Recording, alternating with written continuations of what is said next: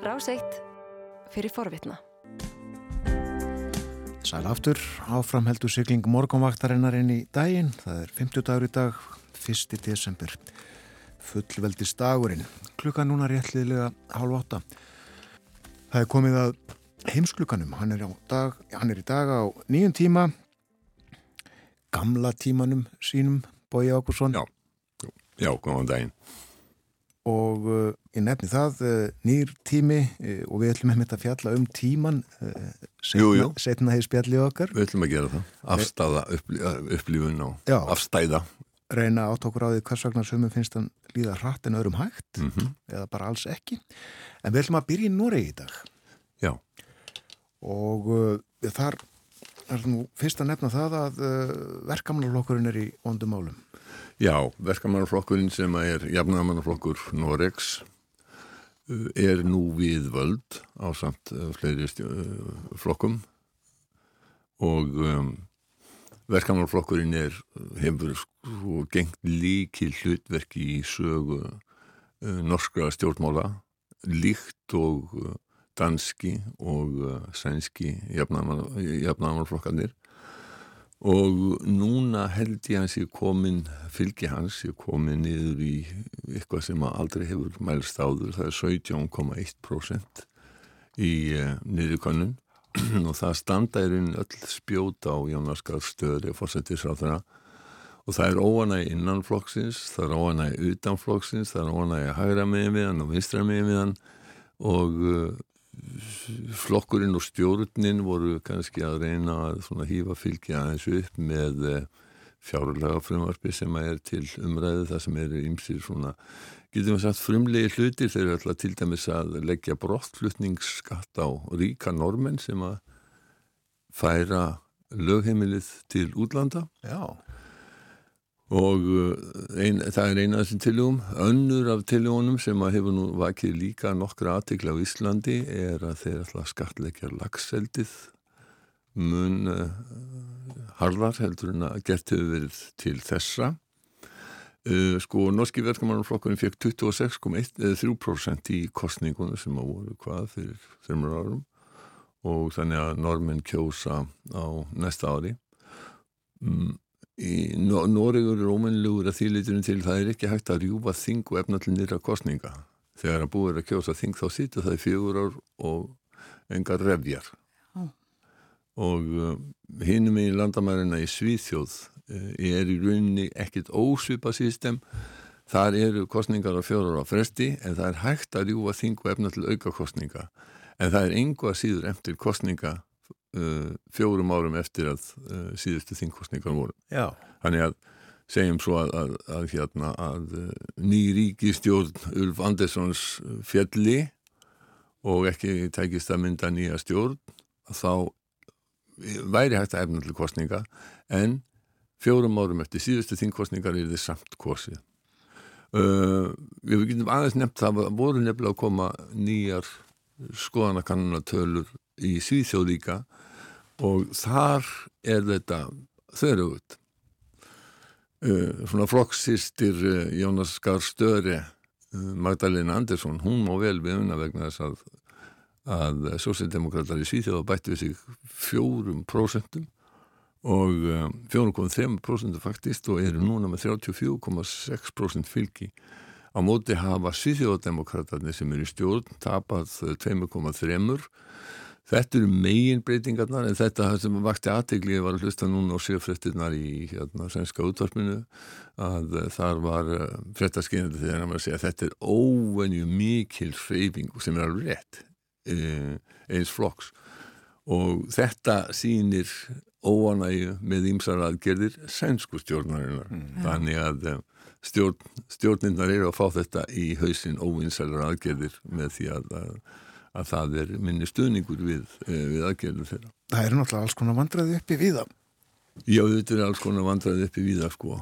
Um, en uh, hægri flokkurinn í Nóri, flokkur Erna Solberg, hann er núna með stuðning 30% en hefur dalað aðeins á millikannana en samt sem að 30% er umtalsvægt meira heldur en að flokkurinn fekk í, uh, í kostningunum. Já. Þannig að svona stærða hlutföllin á, á þessum stærstu stjórnmálflokkum í Nóri hafa snúist við. Já. Hljóma að tala þessum uh, já, landamæri Nórags og Svíþjóðar. Það var mjög skemmtileg frett í sænska sjónarpunni fyrir nokkur dögum. Það voru að fjalla um vandræði norskra tollara. Og vandræðin eru vegna þess að um, það, er, það hefur alltaf verið það er mikið smiklu og ekki sísta áfengi frá Svíþjóð til, eh, til Noregs uh, því að áfengið er dýrar í Noregin í Svíþjóð og mikið landamæra vestlun sem hefur verið. Þegar faraldurinn var þá var landamærunum algjörlega lokað heldum enn og ferðir voru bannaðar á milli landa. Þeir sem ekki vildu unna þessu, þeir, þetta er sko, þetta er gríðarlega lönglandamæri. Mörg þessum kílometrar? Mörg, já. Og við, við skulum ekki gleyma því að þetta er sko ekki þjertbílsvæði.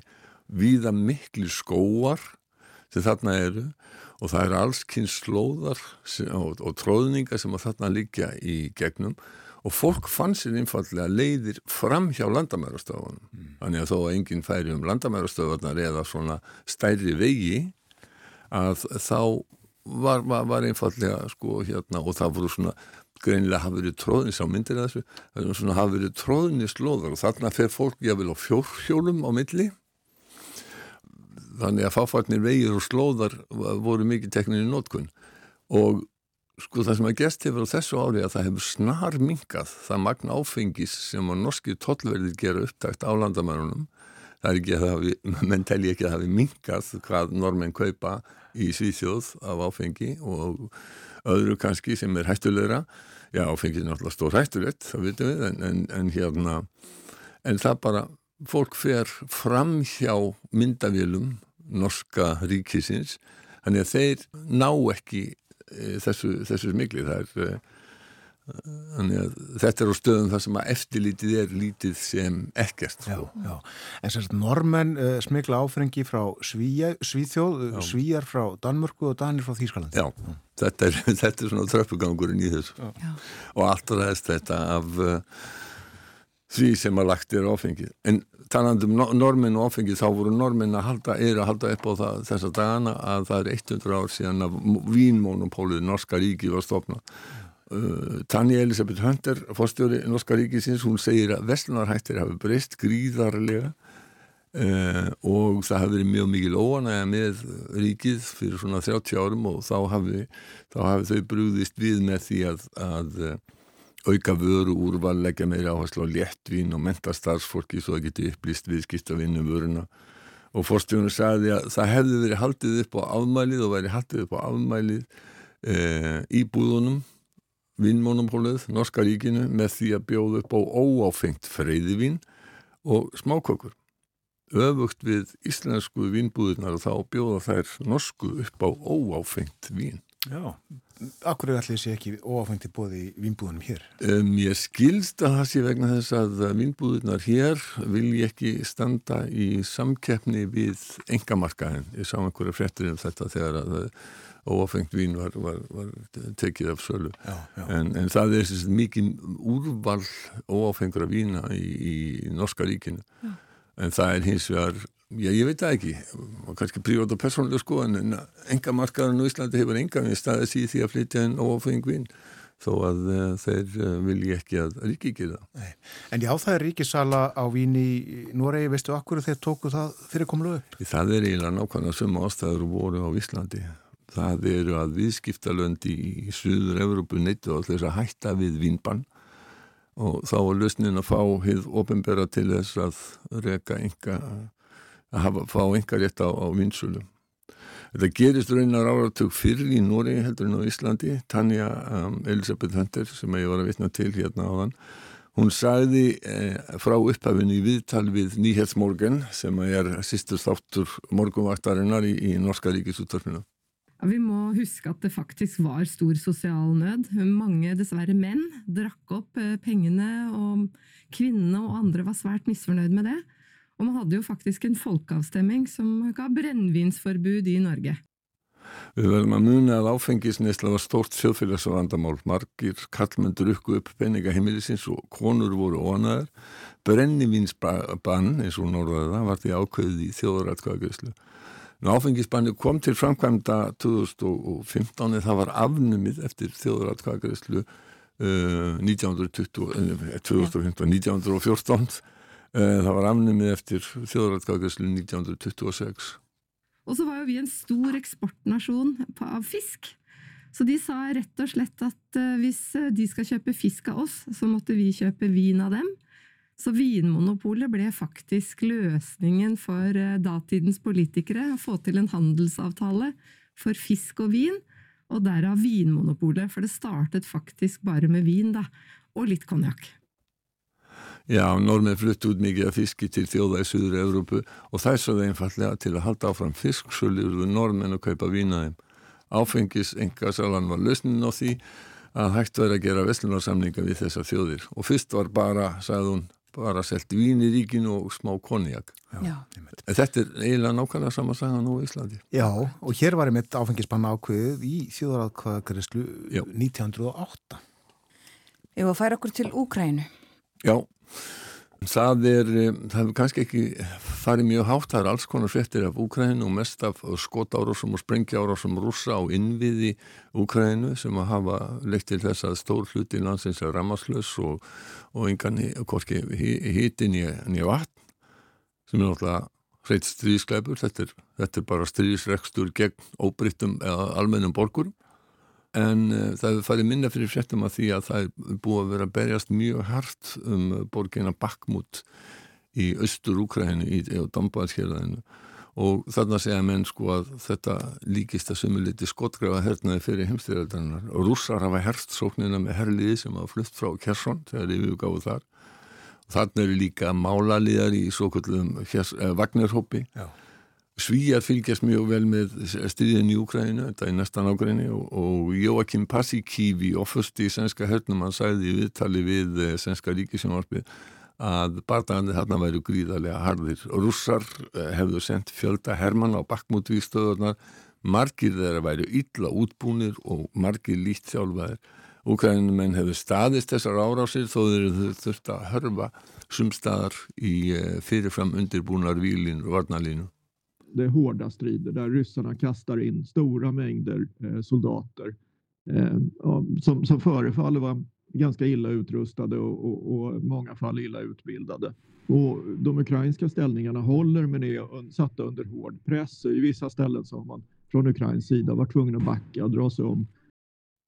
Ukrænumenn verjast að mikill hörku, það er mikið mannfall uh, eh, í líði bekja og Pasikívi sagði að úkrænumennir þeir lægi í skotgrunum til þess að verjast stórskotartíð rúsa en fyrir framann skotgrafirna væru haugar af líkum rúsnarskra hermana.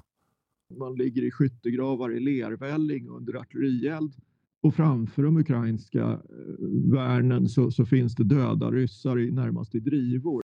Ætla að benda þeim sem að vilja svona, eh, kynna sér ástandið í Ukrænu og svona smá bakgrunn á grein sem að Valur Gunnarsson sakfræðingur sem að þekki þetta nú eiginlega svona já, fáir Íslandika sem þekki þetta, já vel, hann skrifaði í stundina fyrir, já, ég senni fyrradag uh, um, um Úkrænistríðið og þá kosti sem að þar vælu til upp fjóra kosti um hvernig þetta hugsanlega geti endað.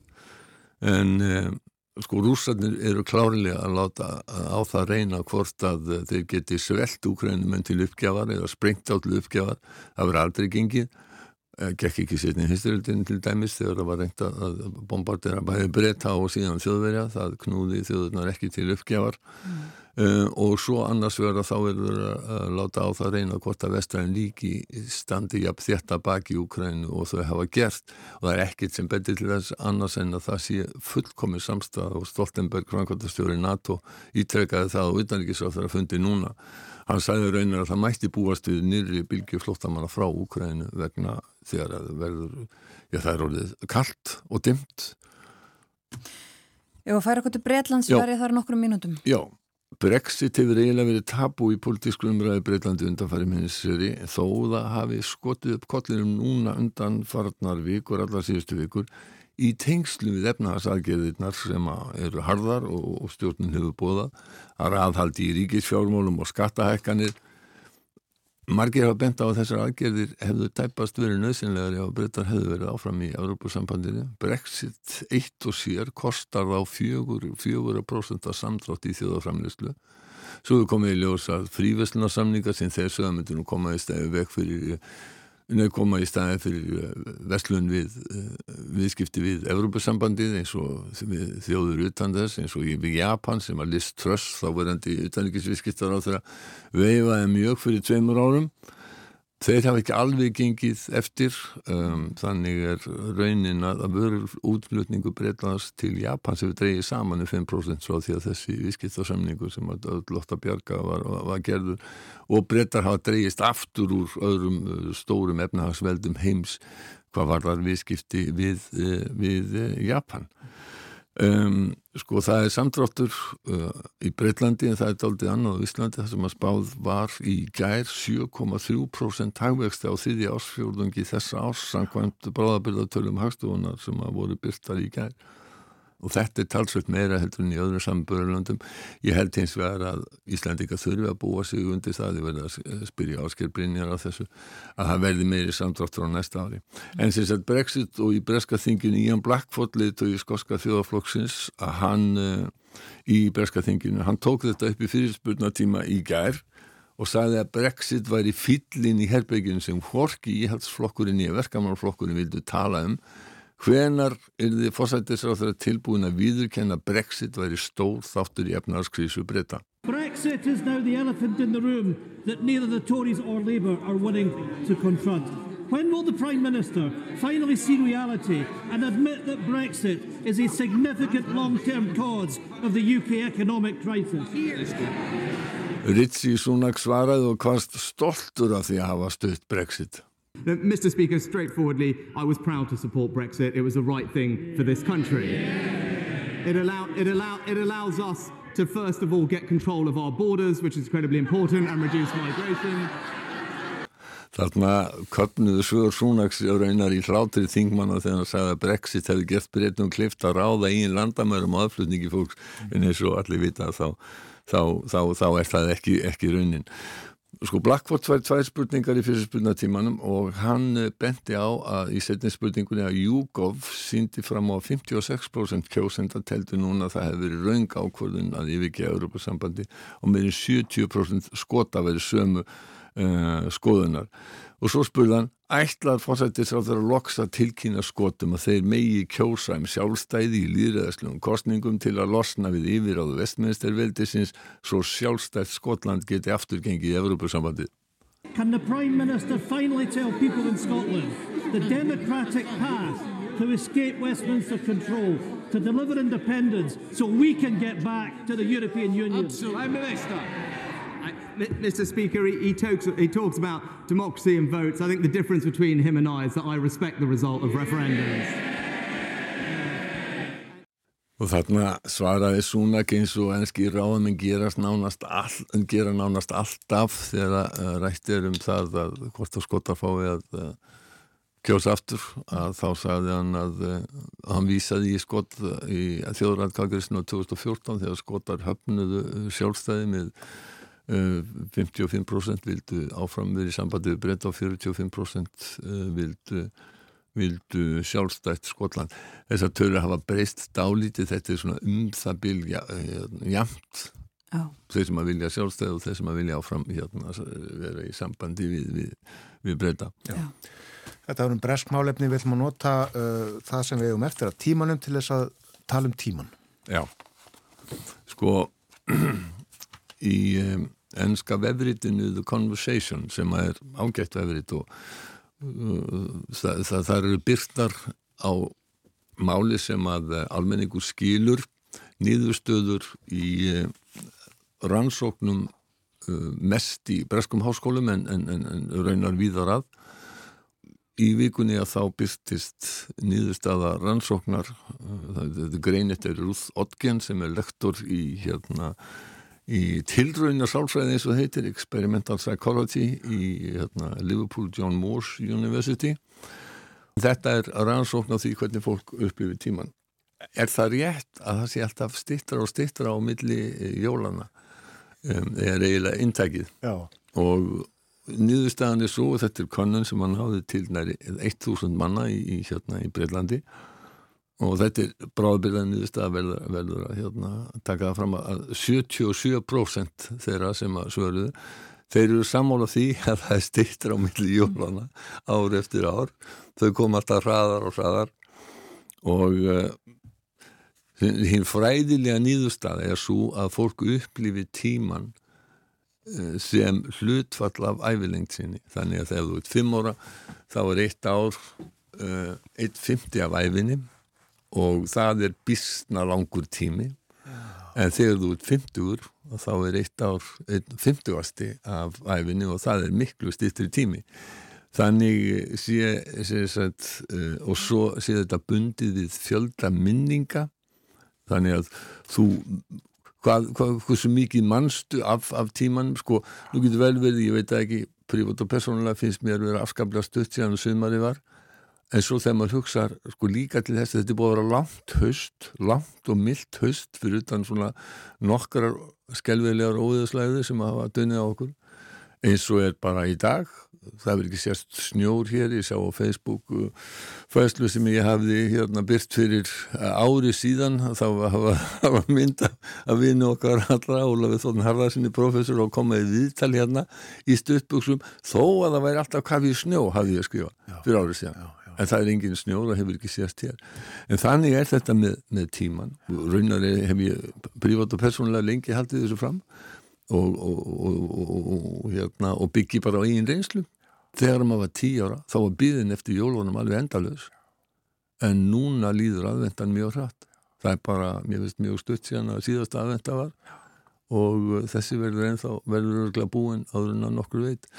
Þannig ef það er einhver, einhver barn þegar hann alltaf verður komin í skólinn held ég eh, sem er að hlusta á okkur eh, að þá hérna og, og býður eftir jólunum þá þá getum við bara sagt að býðin stýttist eftir því sem að fólk eldist en tillökunin til jóluna verður kannski heldur ekki alveg jafn mikið þegar þú kom, ert komin á fullandis ár og, og, þú, og þegar þú ert uh, lítið barn, því að eins og allir vita þá Þannig að segja reynslan til sín sko. Já, já, hún gerir það líka en þetta er bara, þetta er eina af staðlindunum sem er við þetta að, að eldast tími líður sraðar eftir því sem eldist Kæra þakki fyrir í dag, Bói Ágússon. Heimsklukkin á nýjum tíma halv átta verður það eftirleiðis hér á morgunvaktinni. En framöndan eru frettir hjá okkur í þættunum fyrst auglýsingar.